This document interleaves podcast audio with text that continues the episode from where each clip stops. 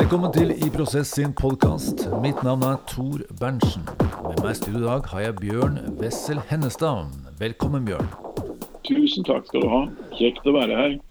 Og du er her for andre gang. Forrige gang snakket vi litt om endringsledelse, i kanskje litt mer generelle termer, men da ble du og jeg skal vi si, enige om, eller veldig begeistret for eh, det Cotter har kalt 'sense of urgency', som jeg har oversatt til 'hvordan etablere en følelse av nødvendighet'.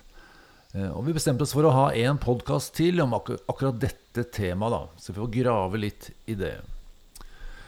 Eh, Bjørn, hva, hva er det du tenker når du ble liksom interessert i akkurat det temaet? Si litt om hvorfor du syns det er så viktig.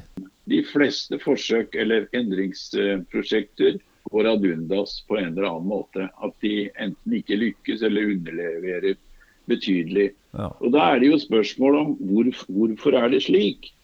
Og Det er jo hovedgrunnen til at vi interesserer oss til å få fram eh, hvilke konsepter som kan hjelpe oss å få til endring da. Og Her syns jeg det er sentralt. eh, Jeg syns Kotter har altså Sense of urgency er jo Kotters formulering. Et av hans åtte punkter av forhold som må være til stede hvis vi skal få til endring. Sense of urgency er der. og Han sier jo det sånn at klarer ikke ledelsen å etablere sense of urgency, så kan du bare glemme hele greia. Ja. Og La oss derfor også ha det friskt i, i tankene da, at sense of urgency er jo et subjektivt begrep i den forstand at det hjelper jo ikke om det er urgent hvis ikke folk har fått det med seg. Nei, ikke sant. Eh, Så det kan logisk sett være helt nødvendig å endre seg, men hvis ikke du føler eller opplever det selv, så spiller det egentlig ingen rolle. Ja, jeg har sjøl observert bedrifter på kanten av stupet, liksom. Mens eh, folk har, tar det ikke inn over seg. Nei. Selv om de er blitt det fortalt. De tar lengre lunsjer og hygger seg, og i det hele tatt uh, syns de har det fint. For denne bedriften har jo gått bra lenge. Ja, det akkurat det greiene der med at det har gått bra lenge, som er litt krevende. For hvis det har gått bra lenge, så danner du en, en selvtilfredshet, altså en, en opplevelse av at eh, det går bra fordi vi er flinke. Eh, Og hvorfor skal vi endre oss da? Spesielt altså hvis du har en visjonær leder da, som klarer å ta initiativ til endringer før det går gærent. Så sitter man da med en, en gruppe ansatte som er veldig fornøyd fordi det går bra og som ikke har noe slags hensikt om å endre noe, for det er ingenting rundt dem som sier at vi bør endre oss akkurat nå. Men kanskje om et år eller to eller tre, så, så vil tegnene komme. Men da er vi jo allerede litt seint ute. Fasit, pro, produserte vel kanskje de beste regnemaskinene som var på et tidspunkt da, hvor uh, mekaniske regnemaskin på et tidspunkt da, hvor, uh, hvor, uh, hvor det elektroniske kom opp. da. Og de hadde kompetanse i organisasjonen til i, i og for seg å, å gå den veien. Men folk følte altså, som du sier, altså det, ble, det ble ikke tatt opp. Det ble ikke noe. Og Du kan jo også se på Xerox, du kan se på Nokia. Du kan se på faktisk så husker jeg at uh, i Norge så var det vel eh, en av våre økonomiske eh, tidsskrifter som kåret årets bedrift. Og etter hvert så begynte man jo å kalle det for dødskysset. Fordi at det var jo gjerne bedrifter som hadde gjort det bra over en stund. da. Ja, ja. Og ofte så var det slik at uh, året etter at de var blitt årets bedrift, så begynte det å gå dårlig. Og Hvis vi går til Deal og Bowman, som har eh, skrevet den kanskje boken om organisasjonsforståelse som er mest solgt i Norge, så sier de jo at organisasjoner er jo struktur. Det er eh, HR, det er politikk, og det er kultur. Og kanskje kultur er summen av det hele. Ja. Fordi eh, På sett og vis, da. Men strukturene og HR og skal vi si politikken og, og kulturen hold, som er etablert under andre forhold, holder jo en på plass. Slik at hvis noen begynner å gjøre noe nytt, eller begynner å gjøre noe annet nytt, så har du alle disse bremsene som ligger i det som er historisk, eh, historisk utvikla. Ja. Eh, og jeg har lyst til å si eh, at eh, organisasjoner tror kanskje et av de viktigste begrepene å skjønne for å forstå dette, er kulturbegrepet. Kultur er det en har kollektivt lært over tid, og som så har nedfelt seg i væremåter og tenkemåter, som samtidig ligger bak også de strukturene som man former ut. Hvilke folk som man trekker til seg og forfremmer og gi muligheter osv. osv. Altså Det kan fort bli slik at når du da skal gjøre noe nytt, så sitter du fast i denne, det kulturelle samspillet der. Og det er jo kanskje ganske høy eh, sosial risiko å bryte ut av det. Vi er jo sosiale individer. Bryr oss veldig mye om hva andre mener. Ja, den sosiale risikoen er i hvert fall én viktig ting. Og det er jo også noe i dette her at vi vet hva vi har, men vi vet ikke hva vi får. Og I Norge, da, hvor alt går så bra og har gjort det i mange år, så eh, kan det være litt vanskelig å liksom etablere en følelse av at nå skal vi gjøre noe annerledes. Eh, kanskje på tross av at vi har fått det til, ikke sant? men vi må gjøre noe annet likevel. Det skal jo noe til at en føler at det er virkelig nødvendig å forandre seg i Norge, hvor det alltid er alternativer. Ja, det skal noe til, og da blir det liksom eh, på en måte, Hvis vi tenker prestasjonsmotivasjon, da, så har det to krefter. Det ene er frykten for å mislykkes, som kanskje er lav i Norge. Og så er det behovet for å lykkes. Eh, og da må man kanskje appellere mer til det. Da, at det, var det, altså det vi kan få til. Ikke, ikke, frykten for at det skal gå gærent, men gleden eller begeistringen av å skape noe nytt og vinne frem og slå kon konkurrentene. og jeg, jeg, jeg, husker jeg hadde en samtale med en leder i Pepsi Cola for, for noen år siden. Og han, han, sa liksom at når han skulle piffe opp sine medarbeidere til å yte litt ekstra, så snakka de mye om mål og sånne ting. Og vi har, vi har jo alle de måla som alle andre har. Men så han det som virkelig motiverte folk, det, sa, det var liksom at det aller, aller viktigste vi skal gjøre, er å banke driten ut av Coca-Cola. Jo, jeg tror nok det her med å ha en felles fiende på et slags vis, da, gjelder på alle områder i livet, og også i denne sammenhengen. Ja. Eh, så det tror jeg også på. Men når du holder opp Når du holder opp eh, Skal vi si Det å motivere for sense of urgency, enten med frykt eller krise, eller med mulighetene for at vi skal gjøre det bedre eller enda bedre, så tror jeg vi skal tenke oss litt om. For det, vi har jo eh, sagt det er så mange ting som holder en fast i det som er, av både bevisste og ubevisste ting. Så det skal fryktelig mye til egentlig da, før en blir med på reisen med, med full kraft. da. Ja, ja. Slik at jeg tror nok at vi må se i øynene at, uh, at det er krisen egentlig Muligheten for krisen er en sterkere motivator for å få folk til å bryte ut av det eksisterende og liksom uh, legge, legge og, og, bli med fullt ut på det nye. Men mulighetene for å gjøre det bedre når vi allerede har det sånn noenlunde. Så jeg tror at uh, når det gjelder det her med å i hvilken grad det å gjøre det bedre kan motivere for at ting er avgjørende nødvendig, så tror jeg det må brukes til å antisipere en krise. altså. Ja, jeg skjønner. For vi har det så bra fra før at det, det er få som kan forestille seg at det, det kan bli så veldig mye bedre. Men hvis du har et konsept for å gjøre ting annerledes, og kan vise at hvis vi fortsetter som før, så om fem år så ser ting helt annerledes ut. Og det konseptet vi har for å gjøre det bedre, det må egentlig til for at vi skal verge båten om når, når, når fremtiden, i fremtiden. da. Altså at vi antisiperer en krise. Mm. I det arbeidet der så tror jeg mange prøver på det. Og så uh, er det litt dårlig tid, og så skal man uh, være effektive. Også, hvis du setter uh, to ledelsesformer opp mot hverandre, da. Si prosjekt, prosjektledelse på den ene siden, hvor hovedfokus er å eh, opp, løse oppgaver og nå milepæler. Så sier vi at eh, endringsledelse på andre siden, hvor du må gjøre alt prosjektlederen gjør, men i tillegg skal du da etablere en følelse av nødvendighet og skape en visjon, eller en fremtidsvisjon. Og det er litt mer tidkrevende.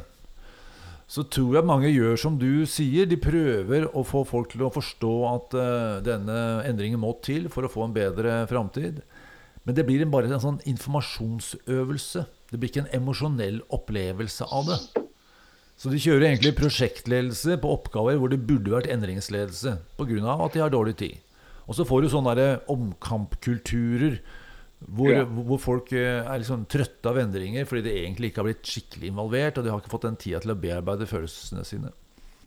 Den vanlige opplegget så å si da, når man jobber med endring, er jo at uh, man utformer nye konsepter og og uh, argumentasjon for at dette er nødvendig. Og så, og så kommuniseres dette mm. til virksomheten. Og så tenker man at så går folk etterpå og gjør ting annerledes, tenker annerledes og gjør annerledes. Men det er mye erfaring som viser at det er egentlig slik at hvis folk hvis du på en eller annen måte får enten lurt folk eller tvunget dem til å begynne å gjøre, gjøre ting litt annerledes, så innebærer det at de etter hvert endrer ståsted. Fordi at denne gjøringen gjør at du ser annerledes på ting. Ja.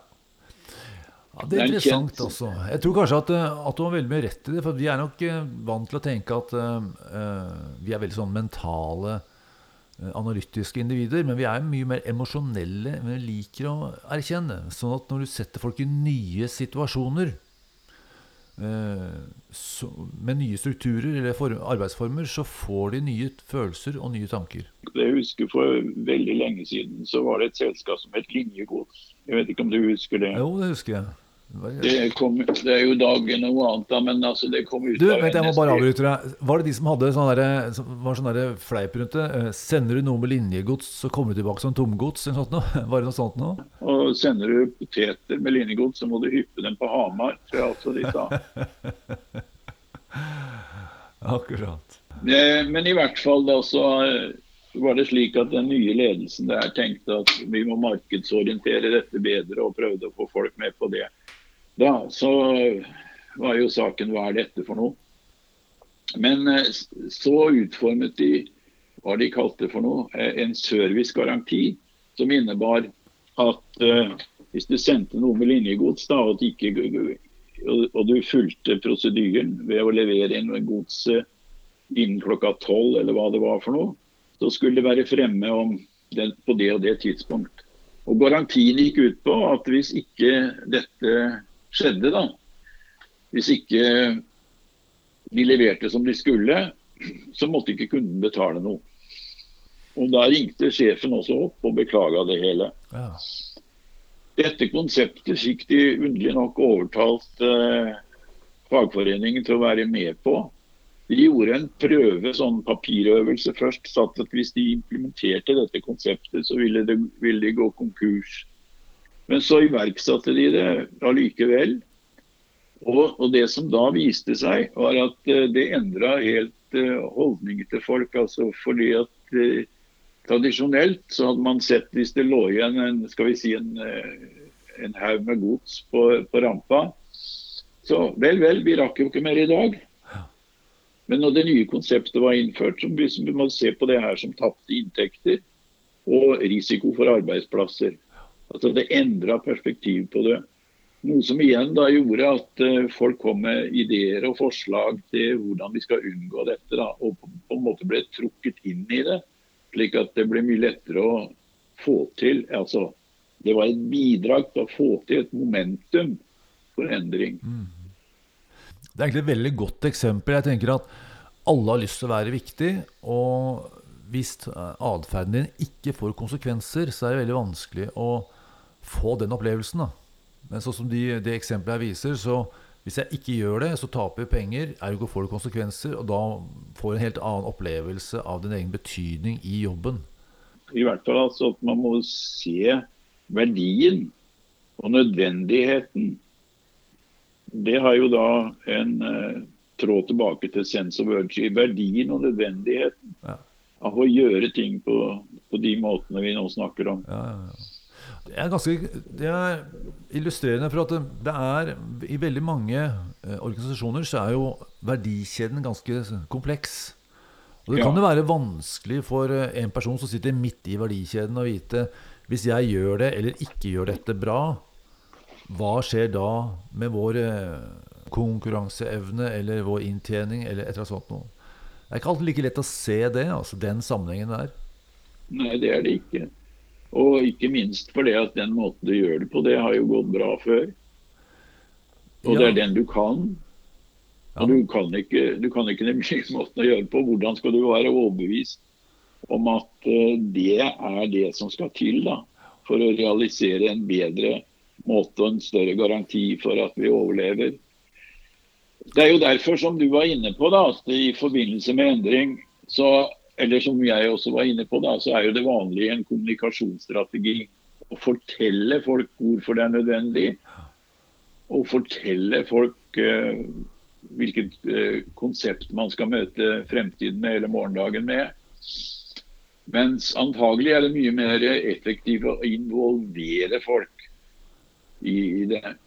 Det handler jo nettopp om det da, at hvis du involverer folk i å analysere problemer, utfordringer og nye måter å gjøre ting på, så vil det jo i mye større grad utvikle seg en forståelse du snakker om, og også utvikle seg et eierskap.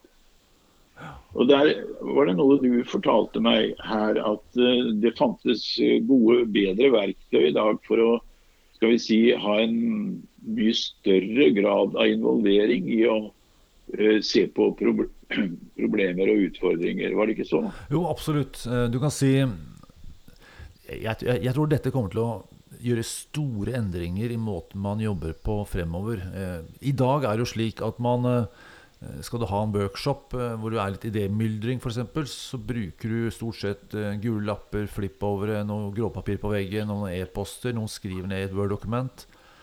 Eh, og det, da klarer du kanskje å administrere dette på ti personer. Er du veldig flink, og en person som bare jobber med administrasjon, kan du kanskje klare 20. Men du klarer ikke 100 eller 500 eller 50 000 mennesker i en sånn prosess. Det klarer du ikke. Men nå er det kommet eh, Det, heter, det er lite, et lite sexy navn. Det heter idéadministrasjonsverktøy. Ja. Og det, de, de har tatt det, dette konseptet, altså det, det å administrere ideer, har brukt mye gamification, det er litt sånn spillaktig. Og, og det er også noe kunstig intelligens der. Som gjør det at den, den idémyldringsprosessen Den blir jo da virkelig profesjonalisert. Og så kan du involvere så mange mennesker du bare vil. Og da får du det eierskapet du nevner. Da kan du, hvis du har 50 000, da, så kan du involvere 50 000 mennesker i en strategiprosess eller en, en eller annen forbedringsprosess. Og når du da kommer med tiltakene, så er jo folk ganske engasjerte og, varme i trøya. De er klare til å begynne å jobbe. Eh, Det er klart at det, må, det er jeg helt enig i sånn eh, prinsipielt. Men det er klart at eh, en slik prosess som det som du sier, da, kan jo gjøre at, input, at inputene innebærer, ting som ledelsen ikke har tenkt på. Og Spørsmålet er jo da at hvis ikke de hører på noe av det som kommer fram, slik at folk kjenner seg igjen i det, hva skjer da? Slik at eh, Dette innebærer jo en noe annen tilnærming også fra ledelsen enn i en kommunikasjonsstrategi. Jeg tror det er en klok mann en gang som sa at, at eh, for, å, for, å, for å gjenvinne kontroll, så må du være villig til å gi fra deg noe kontroll. Det er en helt annen måte å tenke på. Men samtidig så vil jo en eh, La oss si en sånn kommunikasjonsprosess da, Du nevnte at det var eh, en involveringsprosess eller en kommunikasjonsprosess når det gjaldt strategi. Den vil jo også være slik at um, strategien vil være overordnet. Så det vil jo være en, en Man gir bort kontroll på et mer detaljert nivå uansett. Det var det at man får det i forkant istedenfor etterkant. Det er en annen måte å tenke på. Det er mer transparent. Det er mer involvering av det. Eh, Ja, Det er jo egentlig, egentlig mer dynamisk. ja, absolutt. Eh, og man trenger ikke ha sånn at man har en strategiprosess som er liksom i en kort periode. Men Det kan være en kontinuerlig oppdatering av strategien ikke sant? innenfor strategiske områder. Det kan bli mye mer kontinuerlig og strategisk enn vi har vært vant til tidligere. Og da tror jeg også at det med strategi og kulturbygging Det vil henge ganske tett sammen. For Gjør du dette regelmessig, og engasjere folk i å skape framtiden, ja, da, da får du også en kultur som er mer framtidsorientert, vil jeg tro. Hva er egentlig forskjellen på, eller hva er spesielt med endringsledelse kontra vanlig ledelse? Og Der sier jeg at man må skille mellom ledelse i endring og ledelse av endring. Og med ledelse i endring, så er all ledelse i dag ledelse i endring. Fordi det foregår altså endringer hele tiden.